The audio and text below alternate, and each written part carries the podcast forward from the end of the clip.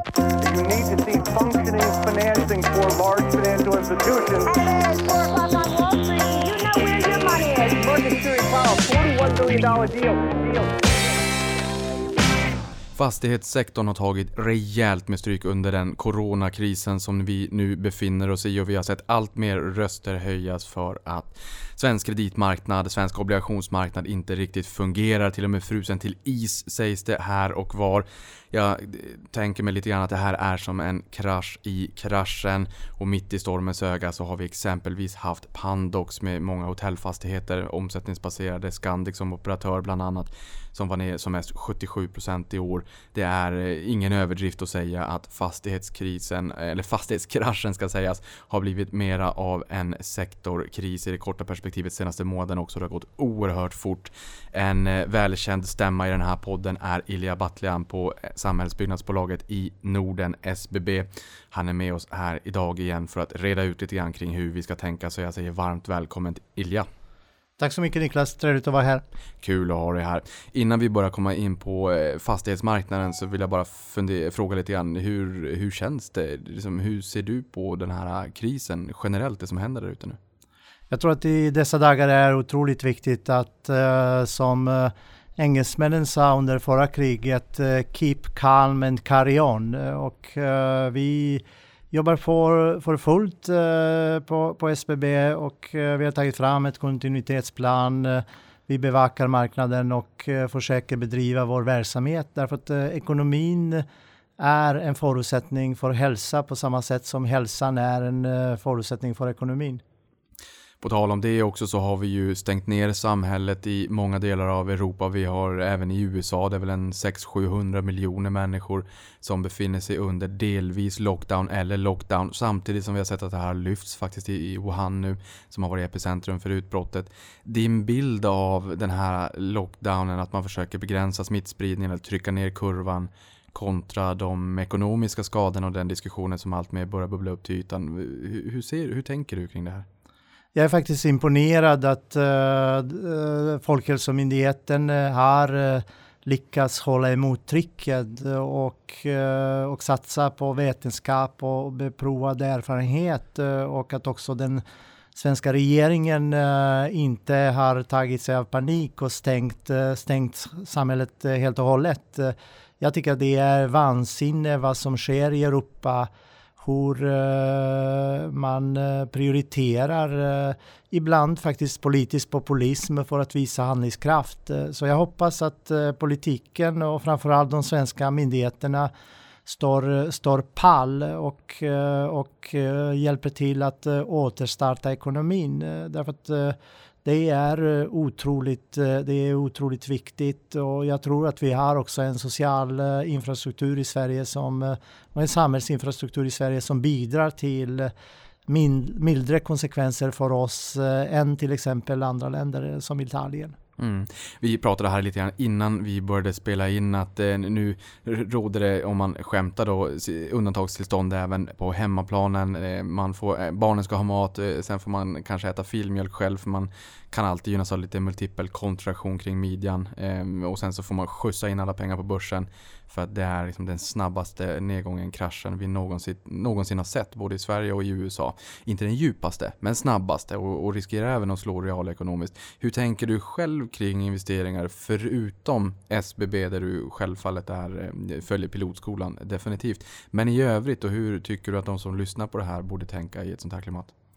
Jag tror att, eh, jag tror att det är otroligt eh, viktigt att eh, se vad, vad den här krisen handlar om. Att det här är faktiskt inte någon kris som är orsakad av marknadens aktörer eller andra typer av kriser som vi har haft tidigare. Det här är kris där vi kämpar mot en osynlig fiende och, och, och då tror jag att Eh, Eh, det finns eh, egentligen två vägar. Antingen tror vi att vi kommer att förlora och att jorden kommer att gå under. Ja, men då ska man lägga pengarna i madrassen. Tror man inte att jorden kommer att gå under, då tror jag att eh, då ska man titta på hur kan dessa pengar bidra till att man får både själv avkastning men också att man bidrar till att återstarta ekonomin. Mm. Och eh, hur lång tid tror du att det kommer ta innan vi på bred front kommer att se att man faktiskt försöker kickstarta ekonomin igen? Hur långt, eh, hur långt kan det gå innan vi kommer till en sån kritisk punkt där vi måste väga kostnaderna både för att ha samhället stängt kontra de mer långtgående strukturella kostnaderna och med eh, exempelvis massarbetslöshet som, som risk? Jag tror att man har två, tre veckor på sig att återstarta ekonomin och, eh, och jag tror att det börjar komma allt fler röster som, eh, som ser det och som ser också att eh, de här totala nedstängningarna de fungerar i auktoritära stater men de fungerar inte i demokratierna. Och i demokratierna har vi andra modeller. Och, och jag tror att jag tror att det är otroligt centralt att ekonomin återstartas, eh, säg om två, tre veckor. Mm. Vi säger ju också att det här är ju och var en utbudschock i Kina som blev en efterfrågechock i, i liksom um, turism, resor, hotell, restauranger etc. Och, och, många har det jobbigt och många varslas nu. Det är liksom vissa sektorer som drabbas stenhårt. Eh, även på fastighetsmarknaden så pratar vi om Pandox här med hotellexponeringen.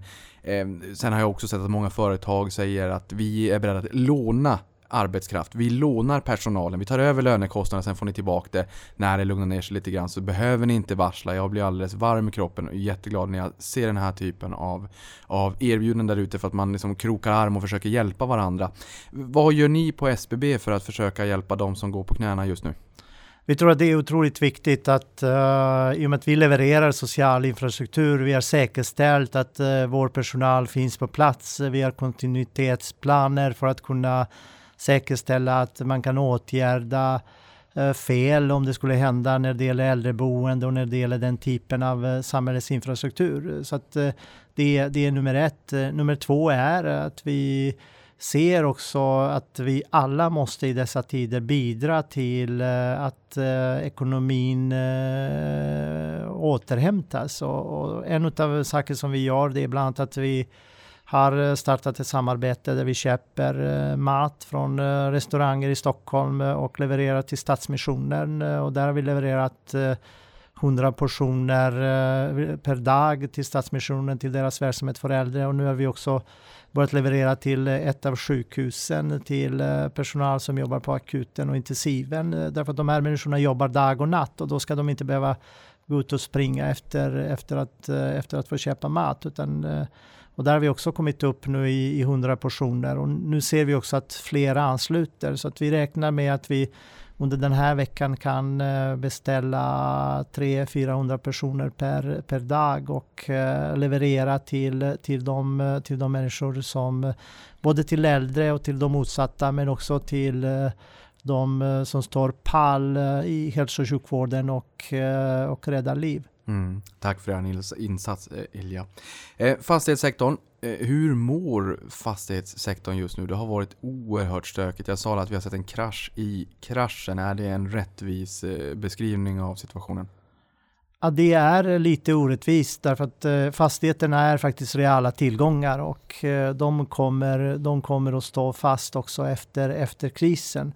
Däremot finansiellt när det gäller aktiekurserna och också när det gäller eh, att kreditmarknaden här i Sverige har närmast, närmast kollapsat. Eh, det, det, är, det är det som har hänt och, och där tror jag är en viktig eh, diskussion att föra om vi ser de kreditfonder och de obligationsaktörer som vi har i Sverige som del av den finansiella infrastrukturen. Jag hävdar att det är absolut på det sättet och jag hävdar att eh, vi måste backa upp den infrastrukturen därför det är en konkurrensfördel för Sverige. Vi kan, vi kan alltid från SBBs sida låna på den europeiska marknaden där vi är en stor aktör och eh, det finns många andra bolag som inte kan låna på den europeiska marknaden. Och vi ser att både Fed och SEB stöttar upp obligationsmarknaderna norska riksbanken stöttar upp den norska obligationsmarknaden. Nu måste vi steppa upp och, och rädda den svenska obligationsmarknaden. Mm. Skulle vi få en, en, stor massiv skada på E4 så skulle det bli milslånga köer ganska snabbt och vi skulle liksom också inse att det här är viktig samhällsviktig infrastruktur för Sverige oavsett om det är E4 eller om det är Arlanda eller vad det kan tänkas vara. Det, det kanske man inte riktigt ser på samma sätt när det kommer till kreditmarknaden i allmänhet och obligationsmarknaden i synnerhet men det är ju som du säger, det här är ju en blodåder för våra svenska företag att kunna finansiera sig och refinansiera sig och när det blir störningar så slår det verkligen rejält. Hur ser du på det faktum att eh, fonder fick, liksom, räntefonder fick stänga ner och att det blev en enorm stress i systemet? Vad, vad, skulle du vilja skicka för, för budskap? Hur viktigt är det att vi håller det här under armarna? Och, och istället för att bara säga det där får ni skylla er själva, det är ert problem på finansmarknaden, jag bryr mig inte. Jag tror att det där är ett stort, eh, stort samhällsproblem, att man inte reagerade direkt och stöttade upp de, eh, de fonderna. Och, och jag kan berätta att eh, SBB, vi har faktiskt själva gått och återköpt några av våra obligationer för att stötta upp fonderna. Så att vi har på det sättet tagit, tagit vårt samhällsansvar. Men vi har inte sett någon annan där. Och vi har inte sett heller att staten och Riksbanken har trätt fram. Och jag tror att det där är otroligt allvarligt och det skadar kapitalförsörjningen i Sverige. Jag menar, eh, återigen, eh, det är orimligt eh, att, att den svenska obligationsmarknaden behandlas på det sättet. Man skulle aldrig tillåtit bankran när det gäller bankerna, men man har tillåtit bankran när det gäller obligationerna. Och det är, det är, inte, det är samhällsekonomiskt inte försvarbart. Och det, det, är intressant det här, för jag menar det är självfallet eh, enkelt för gemene man att förstå eh, om det är så att man har eh, pengar insatta på en bank och inte kan få ut de här, då, då skulle man kunna få en bankrun. Alltså en bankrun är ju inte, den är ju inte orimlig på något sätt. Vi såg i, jag kommer inte ihåg om det var Estland, Lettland eller Litauen, men i Bal, eh, någonstans i, på andra sidan pölen där vi fick en bankrun på grund av ett, ett rykte på Twitter för några år sedan och att då dränerade man alla bankomater i landet på, på bara några timmar så det kan ju gå väldigt fort. Vi hade en insättningsgaranti i Sverige på 250 000 som blev 500 000 som är nu 950 000 och, och vi har 100 000 i, i, i euroområdet. Problemet är ju att det, det beror ju på fiskalt och liksom hur de enskilda länderna mår eftersom att eh, insättningsgarantin inte är på, på euronivå. Eh, men eh, där är det enkelt. Ja, pengarna är skyddade om det är så att banken skulle gå omkull. Men det är ju minst lika viktigt att ha den här eh, säkerheten på obligationsmarknaden. Kan du bara eh, utveckla lite grann? Varför är det lika viktigt med att ha någon form av garanti, någon skydd på obligationsmarknaden så som vad det är för spararna på kontot? ekonomin eh, och delar av ekonomin eh, lever inte sitt eget liv utan alla de delarna är sammankopplade och obligationsmarknaden i Sverige levererar kapital till kapital, kapitalintensiva branscher som säkrar svenska jobb och som säkrar svensk välfärd. Och på det sättet är det otroligt viktigt att den, att den marknaden fungerar. Därför att om en del i marknaden inte fungerar, det kan i sin tur eh, leda till eh, på press på, på bankerna. Det kan leda till eh, också att det blir svårare att attrahera stora investeringar till Sverige. Så att, eh, att eh, obligationsmarknaden skjuts i sank kan ha allvarliga konsekvenser för dina och mina barnbarn Niklas. Det är det vi pratar om. Alltså, det är att säkerställa kapitalförsörjning för kapitalintensiv eh, infrastruktur. Och den kan inte bara säkerställas genom att garantera bankerna som har varit det traditionella och det konservativa sättet. Hela världen har starka obligationsmarknaden som nu backas upp av eh, Riksbanken och av staterna. Det är bara den svenska obligationsmarknaden som hänger löst. Och, och, jag kan säga också för att vara väldigt tydlig, jag talar inte i min egen sak. Vi är det enda bolaget som har återköpt sina obligationer i sån omfattning som vi har gjort under de senaste dagarna. Av alla våra obligationsförfall i Sverige på drygt 3,7 miljarder har vi köpt tillbaka 3,4 miljarder. Så att våra totala obligationsförfall under de närmaste 14 månaderna är enbart 360 miljoner. Och vi har hyresintäkter på 5,2 miljarder för att man ska ha en proportion. Och vi har också i den här krisen återköpt obligationer för att stötta upp fonderna. Men vi, jag tycker att det är en viktig infrastruktur som samhället måste stå upp för. Därför att om man inte gör det, det kommer att ha långtgående samhällsekonomiska konsekvenser. Men när man pratar också om att eh, kreditmarknaden och obligationsmarknaden inte fungerar. Eh, det är många som, eh, som ser att det skrivs om det där ute men, men kanske inte riktigt förstår vad det riktigt innebär.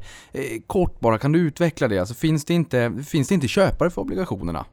Nej, det finns inga köpare för obligationerna trots att eh, kurserna är närmast påhittade och har inget, eh, inget koppling eller de är abstrakta. Man kan, man kan köpa vissa obligationer av vissa bolag idag med avkastning på 14 procent. Eh, det, det, är nonsens eh, och, och, det visar, det visar stress, eh, stress i systemet. Så att eh, hela, den, hela den marknaden i Sverige har kollapsat. Den europeiska marknaden är, är igång. Vi ser transaktionen där. Men eh, den svenska obligationsmarknaden har kollapsat och det är mycket allvarligt. Mm. Eh, du sa här att ni har återköpt obligationer för 3,5 miljarder, 3,4 miljarder sa du. Eh, det stämmer. Ja. Vad har ni för refinansieringsbehov då? Är det de här 360 miljonerna som du pratade om som är refinansieringsbehovet Det enda refinansieringsbehovet som vi har på obligationsmarknaden det är 360 miljoner. Skulle... Inom de närmaste 14 månader. Ja. Alltså det är inte inom inom eh, ett kvartal och det är inte inom ett halvår utan det är inom de närmaste 16 månader eller 14 månader. Om vi zoomar ut perspektivet och tittar även på sektorkollegorna i fastighetsbranschen. Du är ju en fastighetsräv. Den här kraschen i kraschen vi har sett på fastighetsmarknaden, skulle du säga att i, i, i mångt och mycket att det bottnar i oro på eh, obligationsmarknaden och eventuella liksom, eh, kapitalbindningar, refinansieringsbehov. Att, här, vad händer om vi ska eh, refinansiera oss och det inte finns någon tagare? Är, är det det som gör att vi ser så dramatiska fall i stora kvalitativa fastighetsbolag? Det är, eh, det är exakt refinansieringsrisken och, och, och det där är ett problem som som vi har haft i Sverige och jag tillhör de som eh, många har hört mig tjata om lång kapitalbindning och det finns eh, till och med många, många där ute som är närmast arga på att jag tjatar så mycket om det. Men vi har i Norden historiskt haft ett kort kapitalbindning i och med att de svenska bankerna lånar kort. Och det där är eh, ett Eh, det där är ett extra problem i sammanhanget. Så att har du ett obligationsmarknad som kollapsar och har du de svenska bankerna som lånar kort, då får du en extra, då får du en extra exponering. Och det är därför som vi från SBB sida har gått ut i Europa och lånar långa pengar. Vi hade innan Hemfosaffären nästan dubbelt så lång kapitalbindning som i genomsnittlig svensk bolag. Vi låg kring fem år Sen gjorde vi, Hemfosa hade ett kapitalbindning under två och ett halvt år. Det första som vi gjorde efter att vi köpte Hemfosa var att vi återbetalade 10 miljarder i korta banklån och eh, emitterade en, eh, en eh, 750 miljoner i euro på sju och ett halvt år. Så att jag tror att eh, den dimensionen eh, som, som är en, en egenskap eh, för de svenska fastighetsbolagen att man har relativt korta pengar har bidragit till att att aktiekurserna har, har pressats så hårt som, som, som de har gjort. Och nu ser du 750 miljoner euro där till en räntenivå på? Vi betalade då en kupong all in på, på 1 procent. Och idag ligger den på, bara för att få en känsla för jag, jag kollade den, eh, Jag kollade den i slutet på, på förra veckan. Eh, då var den kupongen eh, eller den teoretiska priset för den som ska, för oss är kupongen oförändrad. I, så det är viktigt. Så vi fortsätter betala 1% under, under sju och ett halvt år. Men teoretiska priset då var 1,75. Och den genomsnittliga eh, löptiden på, på kapitalbindningen i SBB idag? Vi ligger idag eh, strax, eh, strax under fem år. Strax under fem år. Eh, och då inser man ju att om fem år så kanske vi inte har den situationen vi har just nu i alla fall. Det får vi hoppas. Men också Niklas, det som är viktigt i sammanhanget det är också att vi har en genomsnittlig räntebindning Alltså nu när vi pratar om hur räntorna ändras, att vi har en genomsnittlig räntebindning som ligger någonstans kring fyra och ett halvt år. Och där vi pressar vår ränta som var i slutet på året, eh, som var i slutet på året kring 1,76 där vi bara, bara matematiskt om man räknar utifrån de pressrelease som, som, vi har, som vi har skickat ut eh, skulle man kunna räkna ut att vi kommer att, vi kommer att närma oss till eh, en 5, en 55 redan, redan i slutet av den här månaden. Är det rimligt att anta att de här eh, liksom 360 miljonerna som ni kommer att låna upp kommande 14 månader, alltså refinansiera, eh, om vi inte ser någon lättnad på den svenska marknaden, att det kommer att lånas upp på, på den internationella europeiska marknaden? Vi kommer framförallt, eh, och det är en lärdom, eh, att, att så, länge, så länge inte finns en en, eh, en samhällsuppbackning av den svenska kreditmarknaden. Vi kommer att låna på den internationella marknaden. Det, det, är, eh, det är absolut väldigt viktigt. Eh, man har ju pratat en hel del om, om riskerna kopplat till intjäningen den senaste tiden, inte minst med, med Pandox. Där såg vi ju som mest att de då föll 77% i år, aktiekursen. Eh, från bottennivån i år så var det långsiktiga, långsiktiga substansvärdet i bolaget 270% högre än bottennivån på aktiekursen. Vilket visar hur dramatiskt det här har varit. Det är klart att vi har också en lockdown så det kommer inte speciellt många turister. Och vi ska ju liksom um, ha den här social distancing som vi alla pratar om för att inte smitta varandra. Men vad är risken kopplat till er intjäning om man måste lyfta upp några, några risker? Um, jag menar, hotell har ni ju inte.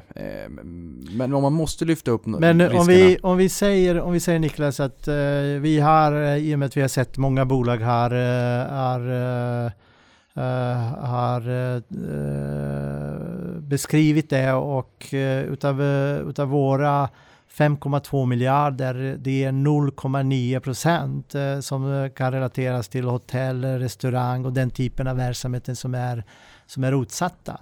Så att eh, jag menar, eh, våra intäkter kommer, 88 procent av våra intäkter eh, kommer från stat eller kommun eller direkt eller indirekt eller svenska reglerade hyresrätter. Så att, så att på det sättet är det, en, det är väldigt, det är väldigt, stabila, väldigt stabila intäktsflöden. Och det är också därför som om man, om man tittar ute i Europa, våra konkurrenter har, eh, har presterat, eh, presterat väldigt bra därför att flödena är väldigt trygga. Mm. Finns det någon risk i sammansättningen av hyresgäster då? Hur långa är kontrakten och vad är den största risken där? Vi snittar sju år på, på, på vår kontraktslängd så att eh, eh vi har också väldigt låga hyresnivåer. Eh, så att, eh, så att på det sättet, eh, vi känner oss väldigt trygga och eh, vår, vår bedömning när det gäller våra kassaflöden är helt oförändrad som det var innan krisen. Om vi återigen zoomar ut perspektivet och också pratar lite grann om, om eh, kollegor i branschen. Vad ser du för stora risker kommande kvartalen för hela sektorn? Refinansieringsrisk har vi varit in på, nya 360 miljoner kommande 14 månader. Eh, så den risken säger du är ju modest, men, men för, för alla generellt, stora vakanser, hyresrabatt räntor, försämrade upplåningsvillkor från banker. Finns det någonting svensk ja, men jag, tror, jag tror att för, för, för svensk, eh, svensk fastighetssektor kommer förstås att, att drabbas ojämlikt och, och som du sa tidigare, vissa som Pandox eh, förlorar hyresintäkter eh, trots att jag tycker att eh, Pandox är ett bra bolag. Så att eh, så att eh, det är för den långsiktiga investeraren kommer, kommer de fastigheterna och, och, och behöva användas igen. Det som, det som kommer framförallt handla om i det, i det korta perspektivet handlar om, handlar om refinansierings, refinansieringsrisken. Å andra sidan är det på det sättet att jag är övertygad om att också om vi överlever, och det, det får man också i och med att nu finns det väldigt många som, som verkar betta att vi inte överlever. Men, alltså nu inte ni som bolag utan mänskligheten nej, utan, eller eh, bolaget? Om mänskligheten, mm. om mänskligheten överlever, om mänskligheten överlever då är jag övertygad om att, eh, då är jag övertygad om att eh, realtillgångar kommer att värderas högre än, eh, än idag. Mycket högre än idag och det finns en viss sannolikhet att de skulle till och med kunna värderas högre än innan krisen. Därför att det är på det sättet att så länge mänskligheten överlever kommer, det kommer finnas behov av lokaler för olika verksamheter. Vi har inte sett excesser på, på, på den svenska hyresmarknaden i stort. Eh, vissa hyror i Stockholm kanske kommer att justeras, eh, men det, det är riskerna som marknaden kan leva med. Så att, eh, jag är övertygad om att eh, om mänskligheten överlever kommer fastighetsbolagen eh, och, eh, och fastigheterna värderas högre efter krisen än innan krisen. Vi har ju en, en flight to safety globalt och vi ser ju att det har ju pressat ner yielden på, på räntor till extremt låga nivåer. Eh, sen har det gått upp lite grann. Man oroar sig väl för all den här upplåningen då för de här enorma stimulanserna som vi ser nu för att hålla marknaden under armarna både penning och finanspolitiskt. Eh, när den här stressen blåser över, när eh, obligationsmarknaden i Sverige fungerar normalt igen, när viruset är passé. Eh, tror, hur tror du att eh, upplåningskostnaderna kommer se ut då när vi återgår till det normala och stressnivån eh, sjunker ner? Finns det liksom ett strukturell press på ännu lägre räntor långsiktigt eller hur, vad tror du? Jag tror att eh, räntorna kommer eh, under eh, överskådlig tid eh, och, och vara låga och eh, att räntorna är låga är kopplat till den låga globala tillväxten. Det, det är otroligt viktigt att, att påpeka. Och den här situationen främjar inte den globala tillväxten utan, utan snarare tvärtom. Och sen är det på det sättet i, i slutet av dagen eh, är det så att man kan investera i guld men man kan inte äta guld. Däremot kommer man att behöva kassaflöde som man ska, som man ska, som man ska använda. Och där tror jag att realtillgångarna kommer att ha en, eh, en väldigt bra position. Nej, det ligger ju någonting i det du säger kring guldet där. Vi har ju sett att guldet har stigit men sen så tagit sig en, en törn och det är, när det är oerhört stor stress i marknaden så tenderar mycket att samvariera. Däremot så har det varit en annan typ av flight to safety och det har vi ju sett i matbutiken. Havregryn, pasta, ris, toalettpapper är det väldigt många som, som bettar kommer att bli det nya guldet. Eh, tänkte... Eller eh, SBB och ICA kan också vara det nya guldet. Eh, jag tror att, jag tror att man ska, jag tror att det är viktigt det du säger Niklas. Jag tror att man ska fundera hur uh, värderas uh, en uh, kassaflödesgenererande infrastruktur. Och det är det som jag menar att vi med våra fastigheter som levererar social infrastruktur på samma sätt, till exempel lika i och med att de har fått den positionen också kan leverera, kan leverera en, en kassaflödesgenerering. Jag tror att där finns väldigt mycket att, att titta på. Mm. På tal om det, jag tänker mig när man bunkrar toapapper då, då kommer man ju liksom, dels kommer man behöva mat för att få användning av det där och sen så kommer det liksom, det gör ju att man konsumerar lite mindre framåt för det blir den här uppbunkringseffekten.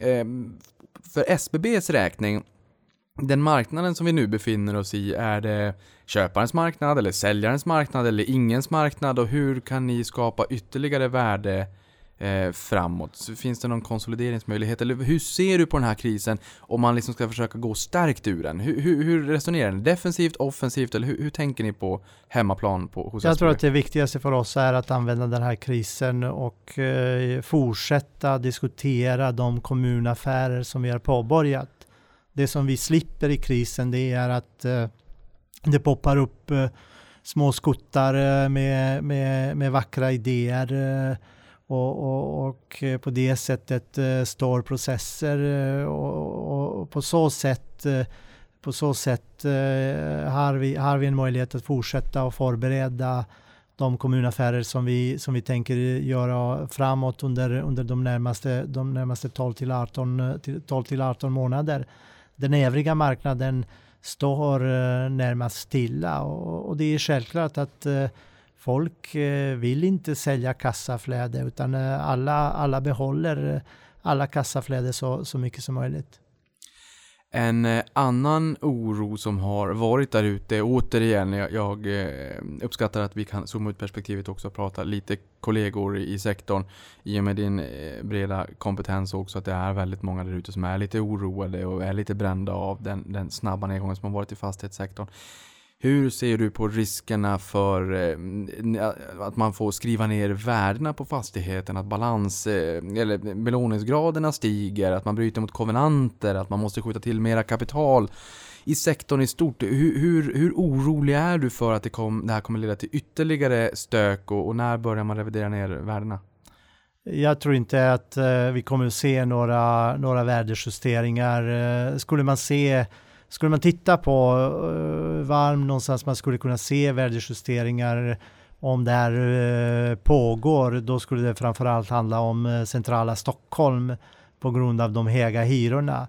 Uh, givet hur, vilka kassaflöden bolagen levererar och givet hur marknaden i övrigt ser ut där tror jag det finns någon som helst risk för, för att justera ner värdena. Och jag tror inte att värdena kommer att justeras ner i Stockholm heller därför att eh, där eh, finns en helt annan ett helt annan eh, trick när det, gäller, när det gäller internationella köpare. Och sen en annan viktig fråga det är att det här, de svenska fastighetsbolagen bygger inte på spekulation. Och det här är en stor skillnad. Det är många som jämför det här krisen med tidigare kriser och jag tror att det finns två stora skillnader. Den ena är att de svenska fastighetsbolagen har kassaflöden och värdena bygger på kassaflöden och inte på förväntningar. Och nummer tre, att det är ingen som bygger eh, någonting på spekulation. Så det här är väldigt tunga och viktiga faktorer som säkerställer eh, långsiktigt värdeskapande i sektorn just det här med, med kassaflödena, vi, vi har ju finansieringsrisken, vi får ju liksom utgå från att obligationsmarknaden faktiskt kommer igång igen så samhällsviktig, samhällskritisk funktion som den har. Eh, men, men, finns det någon risk just för eh, stora vakanser och att hyresgäster i olika bolag eh, knackar på dörren och åtminstone försöker säga att vi behöver få en nedsättning av hyrorna, att vi kan få en, en kalldusch där i delar av fastighetsmarknaden? Där har vi sett att uh, vi påverkas förstås inte av det, men där har vi sett att, uh, att det har kommit uh, vissa sådana propåer och jag tror att det är otroligt viktigt att, att man är affärsmässig i alla sådana sammanhang. Därför att det är det som avgör hyresnivåerna är den långsiktiga situationen och inte extrema extrema rörelser och, och, det är det som är det fina med det är det som är det fina med fastigheterna. Det är inte på det sättet att fastighetsbolagen innan den här krisen när substansvärdena var 60, 70, 100 procent upp gick till sina hyresgäster och sa nu är vår substansvärde så här, eh, så här mycket högre nu ska vi trippla din hyra. Utan eh, hyran är en långsiktig eh, instrument och en affärsmässig relation mellan eh, fastighetsägaren och, och hyresgäster. Och där, där, det är ingen massmedial jippo utan där, där får aktörerna hantera situationen givet, givet hur marknaden ser ut. Mm. Eh, finns det några klausuler som gör att även stater och kommuner kan skjuta upp sina hyror till er? Att man hävdar någon form av force man, man gör? Någon det finns inga klausuler eh, utan det är snarare tvärtom. Det är just i sådana här situationer som stat och kommun ska säkerställa och betala sina räkningar. Därför det är eh, att betala räkningar till sin hyresvärd är inte pengarna till hyresvärden utan det är pengarna till samhället. Det är pengarna för att amortera, det är pengarna att betala och, och, betala svenska jobb. Det är pengarna om att bygga nytt. Det är pengarna att uh, betala räntor. Så att uh, det, det, är ingen lek det där.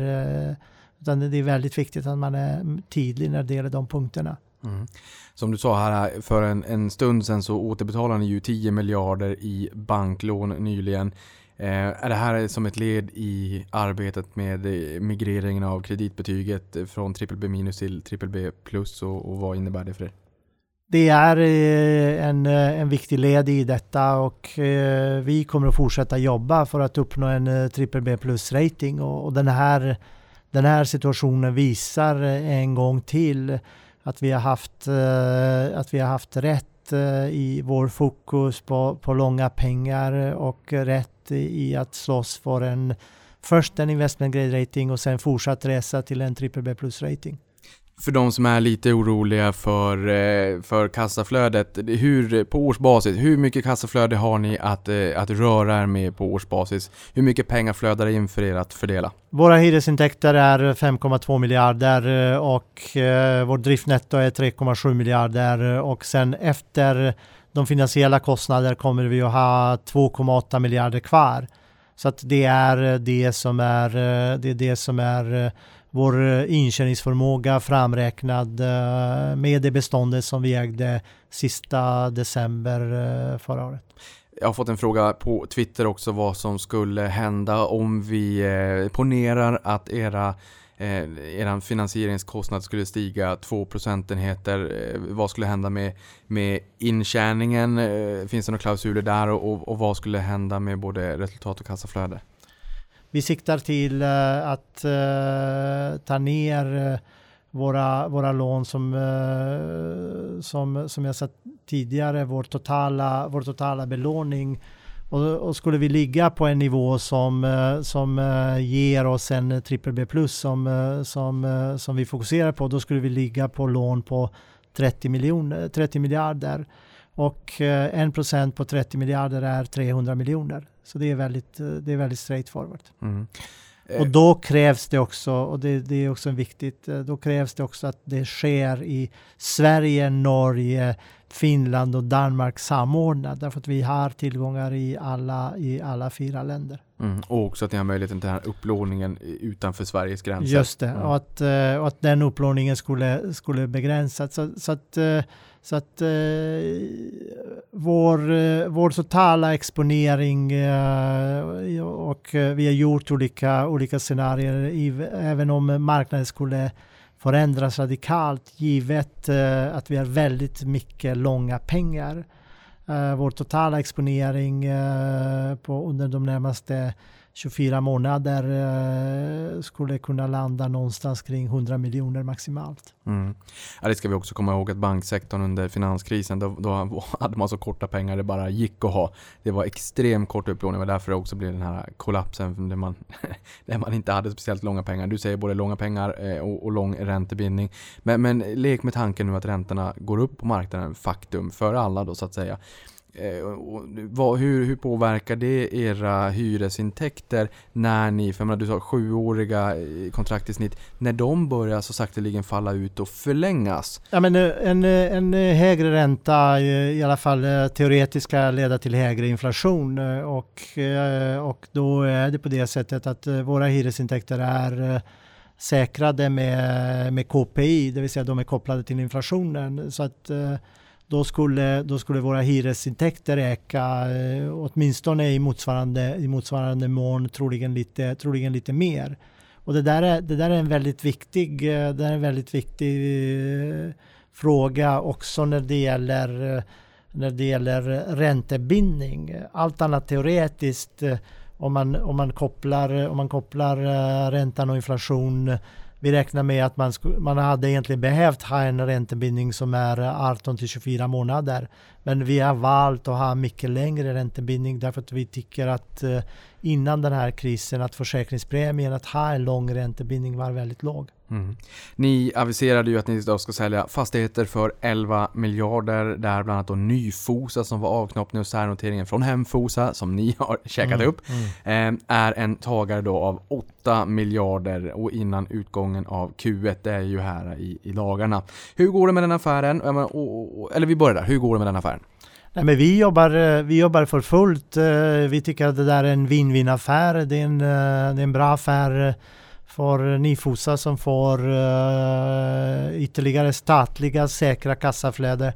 Och det är en bra affär för, för SBB därför det är ett led i, vår, i vårt jobb att uppnå en trippel B plus rating. Så att vi jobbar för fullt med den affären. Vi aviserade eller presenterade vår första affär från det paketet i förra veckan eh, där vi sålde en fastighet till, eh, till Alecta för en halv miljard och eh, det som är viktigt här det är att allt det här har gått egentligen i en väldigt, väldigt stor fart. Därför att det är faktiskt endast sex veckor drygt sedan vi annonserade att sen vi stängde erbjudande till Hemfosas aktieägare. Så att processen, processen fortgår.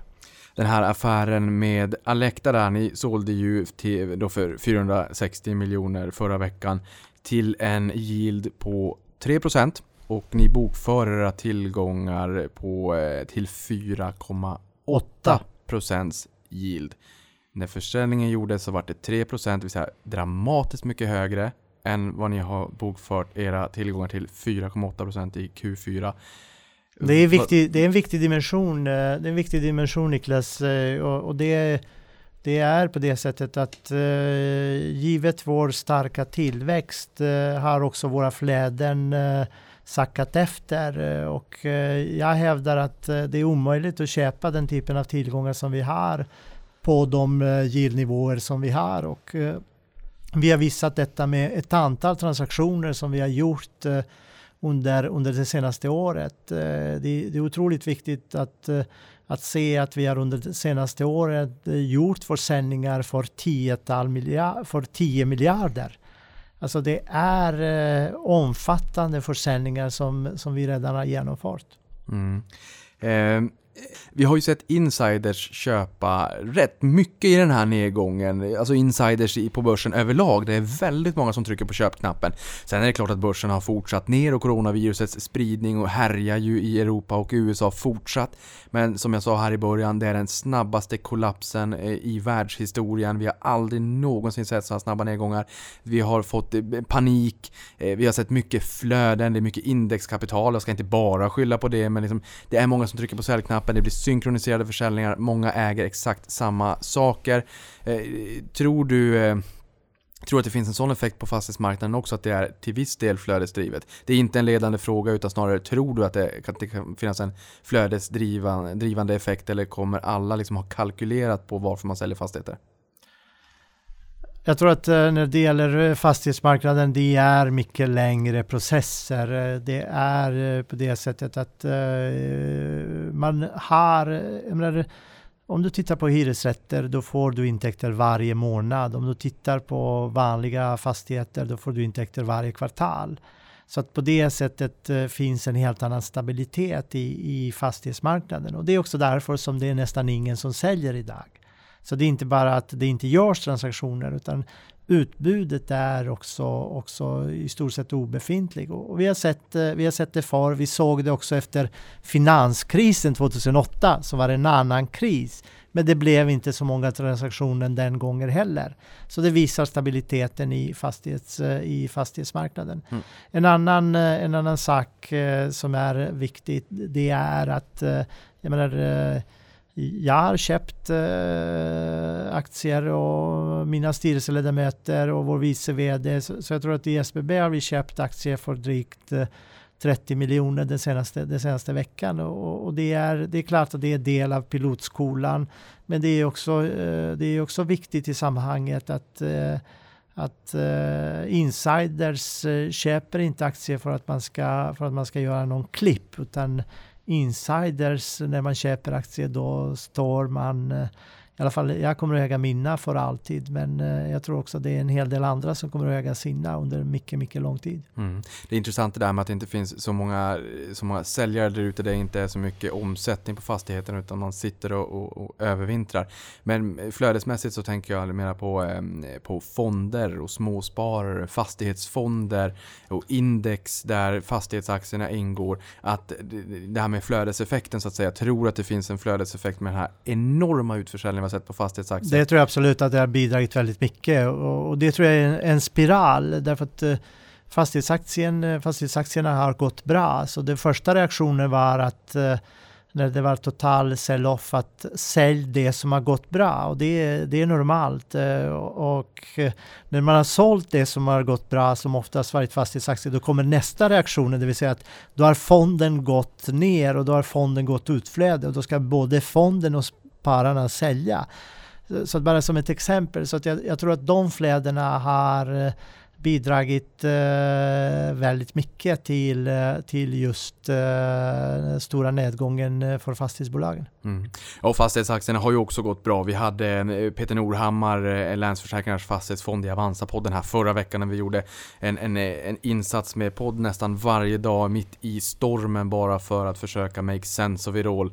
Eh, och den har ju gått upp eh, 13 000 procent sedan 1990 vilket är nästan 17 procent om året vilket är helt fenomenalt. Sen har det ju varit en, en oerhört snabb kollaps nu men, men jag tolkar det ju som att du ser med tillförsikt på både SBB men även de andra fastighetsaktierna där ute. SBB äger social infrastruktur med långa kontrakt och säker finansiering så att eh, SBB kommer att fortsätta utvecklas väl. Men jag tycker också att eh, den övriga fastighetssektorn kommer att prestera väl därför att eh, om det är något som kommer att hända efter den här krisen det är att realtillgångar kommer att värderas upp. Mm. Så för de spararna som lyssnar på det här och som sitter på SBB-aktier som har följt med från, ja men sett att det har gått upp då till 32,50 och tyckte att det där känns ju jättebra eh, till eh, strax under 15 kronor i, i, idag. Eh, vad ska vi eh, säga där för att ingjuta eh, lite eh, hopp och tro? Jag eh, brukar eh, inte kommentera kursen utan det som jag kan kommentera det är att eh, vi känner oss trygga att leverera en kassaflöde som på årsbasis som ligger eh, enligt med, med vår intjäningsförmåga på 2,3 kronor per aktie om man tittar intjäning från fastighetsförvaltning och 3,3 kronor per aktie om man tittar på vår totala intjäning inklusive byggrätter, transaktion och, och renoveringar. Och eh, min dotter har köpt eh, aktier på kursen 29 drygt, 29,5 tror jag och, och jag har fortsatt köpa aktier och eh, jag kommer aldrig att sälja någon aktie. Eh, det här med renoveringar och nybyggnation, hur, eh, vad finns det för potential där? Jag tänker kostnaderna borde kanske också minska om man vill övervintra och bygga nu när det kanske blir lite... Tyvärr brukar kostnaderna inte minska och det, det, det, där, är, det där är också en, en, utan det gäller, det gäller att hålla hårt i pengarna och det gäller att ha folk som som, som följer det på, på, på väldigt, väldigt nära. Däremot behoven fortsätter att vara där. Det finns stora behov av nya skolor, stora behov av eh, nya äldreboende och stora behov av nya bostäder i storstäderna och de behoven försvinner inte på, på grund av eh, vår kamp med viruset. Skola, vård och omsorg, vi blir ju allt äldre. Sen i kristider så brukar det också leda till att det kanske föds mera barn så det behövs mera skolor framåt. I alla fall om vi har lockdown någon, någon längre tid.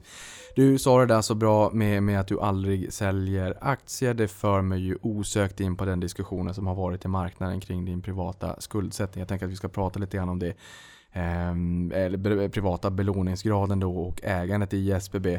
Eh, utveckla lite grann vad kritiken handlar om och hur du ser på den här frågan och kring din privata skuldsättning. Ja, men den fråga som, eh, som eh, det handlar om det är att jag har belåning i Ilija Batljan Väst. Och jag tror att det är viktigt med två saker med i detta att Ilija Batljan Väst äger jag inte eh, enbart SBB-aktier utan jag äger, jag äger andra aktier eh, plus att jag äger eh, logistikfastigheter som, som, jag, som, jag sagt, som jag sagt tidigare. Och det där att, att äga fastigheter i, med, med långa flöden och också som betalar hyresintäkter är väldigt bra också i kristider.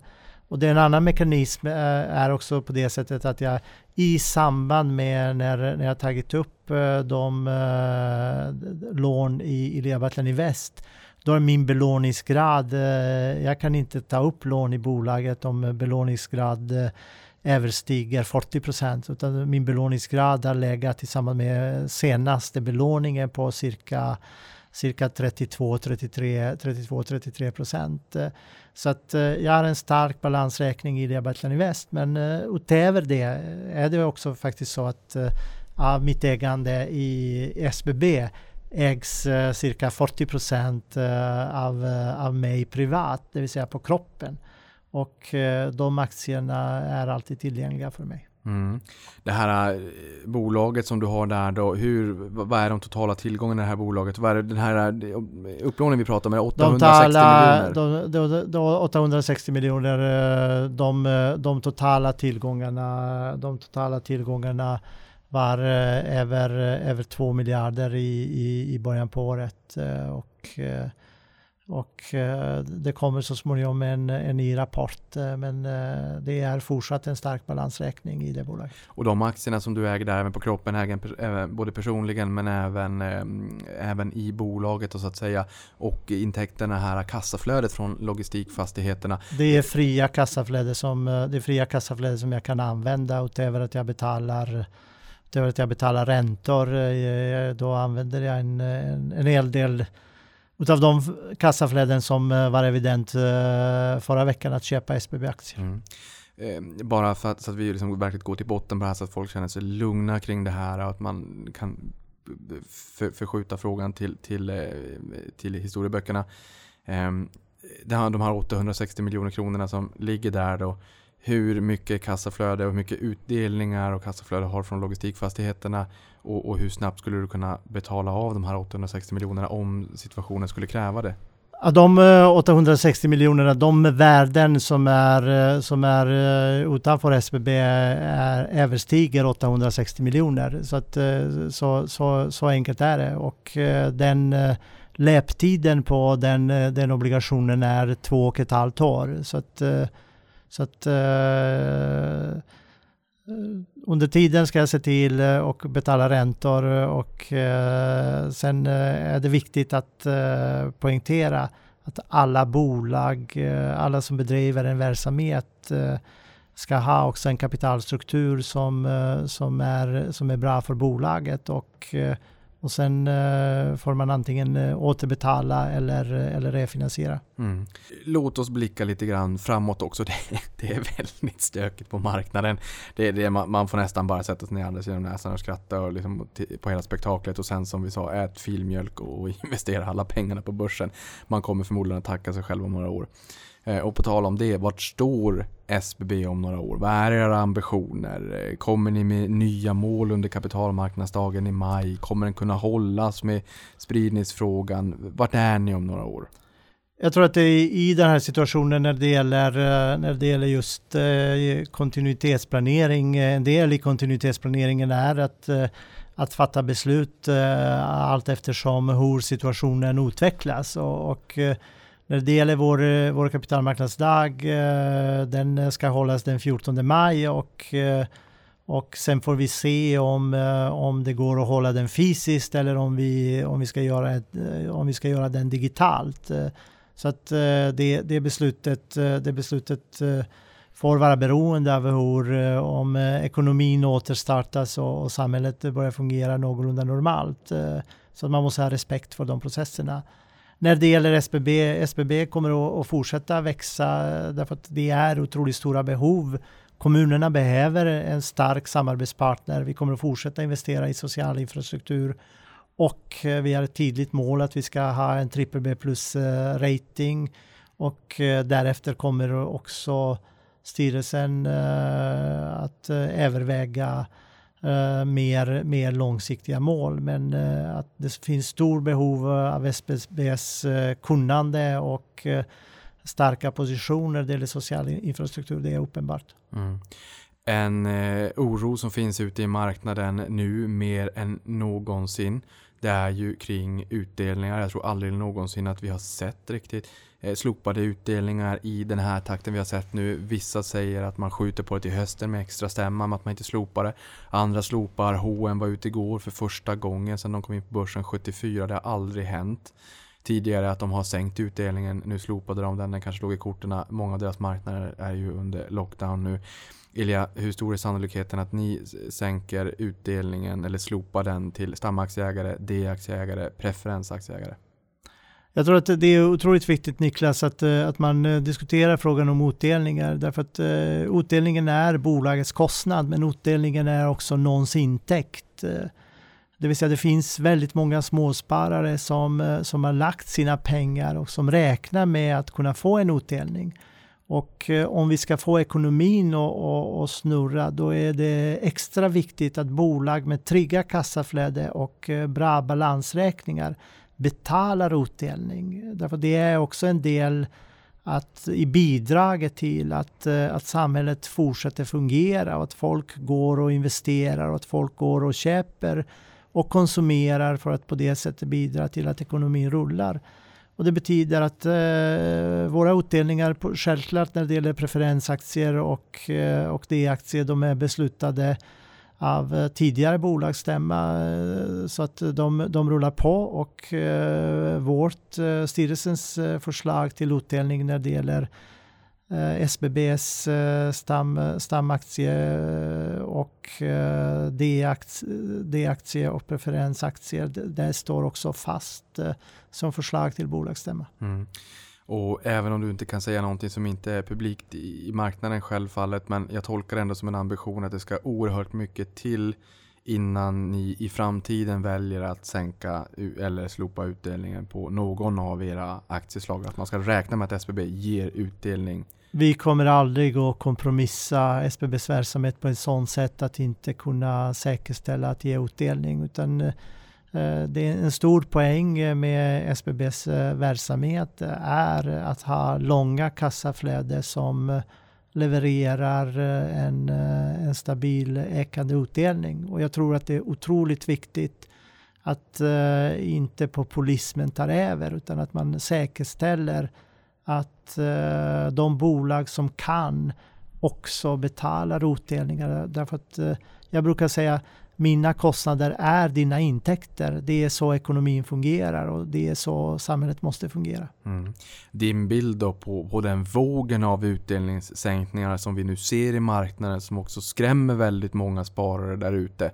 Eh, vad är din bild av den vågen och att vissa kanske gör det för att alla andra gör det för att någon liksom har dragit knäckt den där ytspänningen. Men vad, generellt, vad är din bild kring den vågen av utdelningssänkningar, slopningar som vi nu ser. Men jag ska komma ihåg att Swedbank, eh, SEB och Elux eh, Electrolux slopade sina utdelningar i OMXS30 2008 eh, mitt under brinnande finanskris. Nu ser vi en massvåg av slopade utdelningar. Vissa skjuter fram dem. Husqvarna, bra exempel. Man, man tar en extra stämma i höst och ser om situationen har förbättrats, men många slopar ju. Jag tycker att det är otroligt viktigt att eh, man hanterar eh, den frågan eh, väldigt, väldigt seriöst och det är det som jag hoppas att bolagen gör. Det får inte vara populismen som, som bestämmer om, om, man kan, om man delar ut, utan man måste fatta ett aktivt beslut som bygger på bolagets förutsättningar. Men man måste också vara medveten om att utdelningen är någons intäkt och då ska man faktiskt eh, också be om ursäkt när man inte, när man inte betalar utdelning. Det är inte bara det är inte bara att säga att nu är det kris, utan det är någonting som måste argumenteras, därför att det har också konsekvenser för samhällsekonomin. Mm. Sista frågan Elia, eh, kreditmarknaden, obligationsmarknaden som vi har pratat om, eh, samhällsviktig, samhällskritisk infrastruktur för alla våra företag där ute som anställer hundratusentals, miljontals människor i Sverige som borgar för våra inkomster. Allting, allting hänger ihop. Mina kostnader är dina intäkter som du säger. Vad, vad behöver behöver vi göra för att inte bara få, få ordning på obligationsmarknaden eh, mitt i den krisen som är nu, liksom, när den inte fungerar och har frusit till is, utan för att också säkerställa att vi går stärkt ur det här och får en bättre funktion av obligationsmarknaden i Sverige som gör att vi inte tappar investeringar på grund av att man ser en, en högre risk i kapitalförsörjningen på svenska marknaden. Jag tycker att det är otroligt viktigt att, eh, att eh, Riksbanken gör eh, på samma sätt som Fed och backar upp svensk obligationsmarknad. Jag tror också att de svenska banker ska fundera hur kan de bidra och backa upp svensk obligationsmarknad. Därför att det är en infrastruktur som vi riskerar ska gå sönder och den eh, kommer alla att betala pris för. Mm. Absolut sista frågan. Vilka, vilka är de eh, vanligaste frågorna just nu som du får av eh, analytikerkollektivet eller vem som helst som har funderat kring fastighetsmarknaden i allmänhet och SBB i synnerhet? Den vanligaste frågan eh, har faktiskt varit vår, vår affär med Nifosa. så, att, så vi ger en stor, stor PR-hjälp till Nifosa och det, det som är viktigt när det gäller den affären, eh, vi tycker att det är en bra affär både för oss och Nyfosa. Men den affären från SBBs perspektiv betyder att, eh, att vi ska gå upp eh, i ratingen eh, från en eh, trippel B minus till en BBB+. B plus. Eh, det betyder att vi skulle stärka vår position och för Hemfosas del är det win-win. Därför de kommer att få trigga, ytterligare trigga kassaflöde. Så, så att eh, det, jag, jag, förstår, jag förstår intresset men ibland blir det nästan ak, ak, apokalyptisk den diskussionen också, vilket, vilket är, vilket är uh, nonsens. Det är, en, det är en viktig affär uh, för, uh, för SBB och Hemfosa, men i SBB, Hem, SBB och Nifosa, men i SBB-fallet handlar det om att den affären tillsammans med det övriga jobb som SBB genomför ska leda till en trippel B plus rating. Ilja, tusen tack för att du kom till podden och förklarade lite grann läget kring eh, fastighetsmarknaden just nu i allmänhet men även SBB i synnerhet. Det uppskattas. Tack så mycket. Tack Niklas. Och stort tack för att du lyssnade på det här. Och för dig som inte lurades av det där när jag sa att podden är slut så kommer här lite övertid. Så att en liten bonus till dig som inte har tryckt på paus eller avsluta ännu. Vi har ju en sista eh, brännande fråga kvar som du och jag Ilja pratade lite grann om på vägen upp ifrån poddstudion och vi kände att vi måste ta den här också. Och det är ju självfallet likheten med den senaste månadens eh, kollaps i fastighetssektorn med 90-talskrisen. Vad finns det för likheter om några? Det finns nästan inga likheter som helst och eh, man kan säga allt var inte bättre för eh, 90-talskriser. De bolagen hade inga kassaflöde utan det var bolag som hade höga värderingar på pappret, väldigt dåliga kassaflöde och sen eh, låg räntorna på mycket höga nivåer.